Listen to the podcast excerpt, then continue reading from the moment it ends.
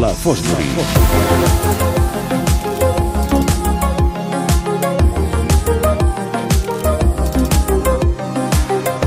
I arriba la Fosbury, avui és dimarts amb el Roger Castillo i és un d'aquells moments especials que viu el programa. Bona nit, Roger, com estàs? Bona nit, Pere, molt bé. Uh, avui a la Fosbury coneixerem una història que ens remet a un esportista que va assolir una fita molt complicada de repetir, com un triplet, diguéssim. Sí. Més, més complicat, eh? Perquè últimament es fan molts, eh?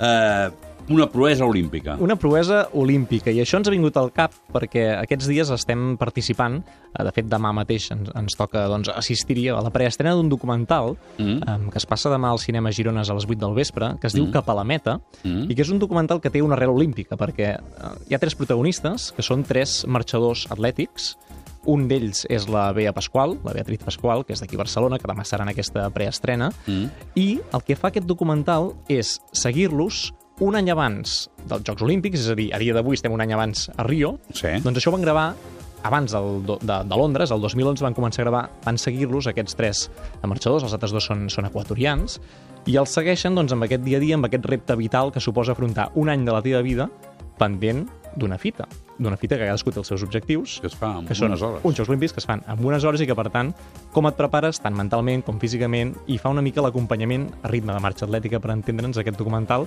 cap a la meta, doncs, a veure si aconsegueixen aquest objectiu o no. Això el podreu veure doncs, qui, qui vulgui el dijous al Canal 33, que s'estrena, diguéssim, oficialment a l'espai del documental, i qui vulgui veure la casa eh, doncs, eh, està convidat a fer-ho amb un DVD que regalem als oients del Club de la Mitjanit. Carai, a la que han de fer, exacte, és ara de fer? mateix eh, trucar al 932017474. Els Molt primers bé. que truquin s'enduen doncs, aquest DVD cap a casa. Doncs 93 201 7474 93 201 7474 per veure un DVD pràcticament abans que s'estreni i que és una història que ara eh, coneixerem. Val molt la pena, val molt la Estic pena. segur. I a partir d'aquesta història, d'aquesta relació entre l'olimpisme, l'esport, aquests reptes, hem anat a buscar una història olímpica. Mm -hmm. Clar, feia unes quantes setmanes que no ho fèiem, i teníem ganes, teníem ganes de, de parlar d'una fita que, com bé deies, és gairebé una proesa. L'han aconseguit cinc esportistes olímpics al llarg de la història. Només cinc. Són pocs. Són pocs. Saps per on vaig? No, no, No, és, no, és complicat no tinc idea, no tinc ni idea. Anem al, pel protagonista primer. Perquè pot ser de temps, Pot ser de temps, pot ser de medalles, pot ser de medalles, eh, pot ser de repetició de jocs... pot ser repetició de jocs, eh, alguna combinació de tot això potser, potser Sí, acaba sent la bona. ser, Potser acaba sí. sent la bona. 1898, neix el nostre 1898, protagonista. els primers jocs. Doncs encara ell neix, a 1896 a Atenes es fan els, els primers, dos anys després doncs, eh, un tinent coronel i la seva dona tenen un fill que es diu Jacob, Jacob Tulin Thames, és noruec i aquest senyor és el que ens donarà diverses eh, tardes de glòria en l'esport. Comença doncs, des de ben petit, eh, aplicat pel seu pare en disciplina doncs, eh, per la pràctica atlètica, Disciplina per militar, l'esport. Exacte, això es porta dins i això ho va transmetre. I el que fa doncs, és intentar impulsar-lo cap a l'atletisme, cap al futbol, però hi ha un esport que Noruega preval sobre qualsevol altre, que és l'esquí. Mm -hmm. L'esquí és l'esport nacional, hi ha un club doncs, que és molt potent en aquella època, que és el Redis, i ell de seguida s'hi va implicant. Primer comença doncs, amb les proves clàssiques, és a dir, l'esquí nòrdic, l'esquí combinat, que són els que Noruega sempre han triomfat, i de seguida doncs, veu que és bo, que és, un bon, que és un bon atleta, que és un bon esportista, que és un bon esquiador, però que hi ha una disciplina similar i paral·lela en què encara és millor, que és els salts d'esquí. Els salts d'esquí no tenien molta, molta anomenada a Noruega, perquè no acabaven de ser els millors. Tenien algunes eh, disciplines, algunes instal·lacions, però sempre els hi faltava aquell punt. I quan va arribar el senyor Jacob Tulin, conegut també com a Tula, la cosa va començar a canviar. El 1922, a Holmenkollen, que és un dels centres eh, hivernals més bèsties que hi ha a Noruega, ja va començar a demostrar doncs, el seu talent, el seu talent en aquesta vessant, i ho va fer doncs, començant a guanyar proves amb un estil molt elegant. La gent doncs, a l'època li reconeixia un cert canvi. En, en aquest sentit podríem dir que va ser un pioner. Com Fosbury, diguéssim, va ser Sí. pioner amb el, salt, amb el canvi de model del salt d'alçada, ell va canviar també el salt d'esquí. Va fer una, tac, una tàctica i una tècnica, podríem dir, doncs de, diferent al que es feia fins a aquell moment amb un altre company que es deia Sigmund Ruth, i el que feien, perquè ens imaginem i visualitzem el tipus de salt, era saltar doncs, la rampa, això ja existia, Mm. en paral·lel als esquís, que hi donaven molt més pes del que es donava fins a aquell moment, en tot moment en paral·lel, sempre les cames amb els esquís. Al moment d'aterratge, flexió de genolls, que es feia sempre tot com molt recte, molt estirat, i començaven doncs, a patir lesions els, els saltadors mm. habitualment. Ells van començar a introduir aquest canvi.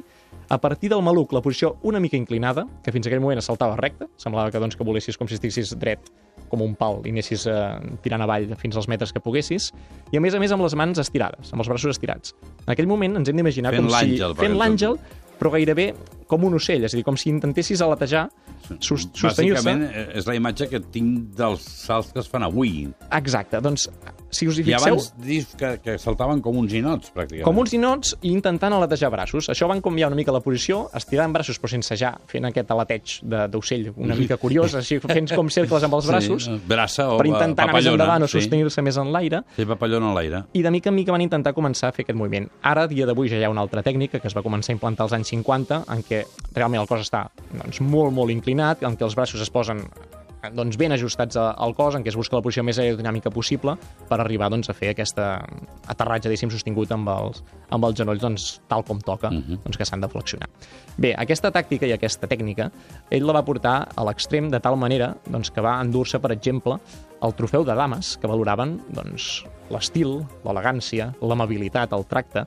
Va guanyar-lo tres anys seguits, i això és una cosa que ningú ha fet més a Noruega al llarg de la història, i també, evidentment, va tenir molts rèdits esportius. El 1224 ja es va proclamar campió nacional de Noruega, va ser el millor saltador, i van a participar a la Setmana Internacional dels Jocs d'hivern, que era una cosa que es van inventar a Chamonix, a França, el 1924, al cap de poques setmanes, a finals de gener, principis de febrer, en què doncs, convidaven les grans estrelles internacionals de, dels esports d'hivern a reunir-se tots allà i intentar doncs, a passar la tarda fent una mica de competició.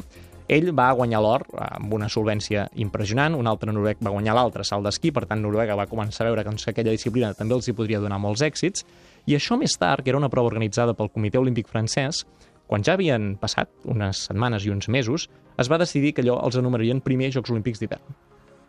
Primer es va fer amb un nom d'una setmana internacional, però passat el temps es va veure doncs, aquell potencial de participants, de participació internacional, d'assistents, de qualitat, doncs, a tot reunir les condicions per equiparar-se als Jocs Olímpics d'estiu. I de tal manera que, doncs, que ell va guanyar una medalla olímpica sense saber-ho, per entendre'ns, perquè no sabia ben bé eh, què, estava, què estava fent. A partir d'aquí la seva trajectòria és eh, molt bona, ascendent. El 1926 a Holmenkollen guanya precisament doncs, eh, la medalla de Holmenkollen, que és una, una, una distinció que cap saltador noruec havia assolit mai, sempre ho assolien els esquidors nòrdics, i ell és el primer en assolir-la, torna a ser campió nacional, i el 1928, els segons Jocs Olímpics, ara ja sí, Els amb tota, la, amb oficials. tota la confiança d'anar-hi sabent a, a què s'enfrontava, a Sant Moritz, ell anava com un dels grans favorits. Però què va passar? Que allà també hi havia anfitrions suïssos que volien plantar cara i demostrar doncs, que ells, eh, a la casa dels Alps, doncs, és, és allà on es domina l'esquí. La primera ronda de llançaments de salts d'esquí, els noruecs van dominar. Els tres primers en noruecs, ell era tercer, Jacob Tulin, i els suïssos van plantar la prova i van dir, un moment, jutges, valoreu aquest estat de, la, de les pistes que tenim, fem-lo més arriscat, perquè aquí som valents, els suïssos som gent llançada, eh, intentem que la rampa tingui més inclinació, intentem que la pista d'aterratge doncs, sigui més baixa perquè hi hagi encara més distància amb el salt, i això els noruecs no ho toleraven, dient, no, no, aquí podem prendre mal, això són riscos, però davant de les acusacions de covardia, Jacob Tulin va ser el primer de dir jo sóc el campió olímpic, si ells volen això, nosaltres hi saltarem.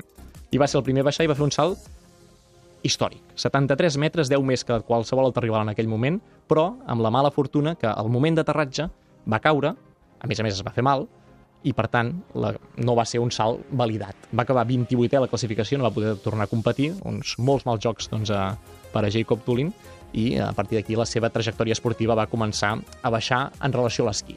Va fer una altra cosa, va començar a jugar a futbol amb el seu club, ho havia fet de petit i va tornar-hi a agafar una certa afició com a defensa, i el 1936, eh, als Jocs Olímpics de Berlín, el senyor no se li va dir res més que anar allà a participar també als Jocs, i ho va fer amb una prova que podríem qualificar de molt similar als salts d'esquí, però ens estaríem segurament equivocant, amb vela.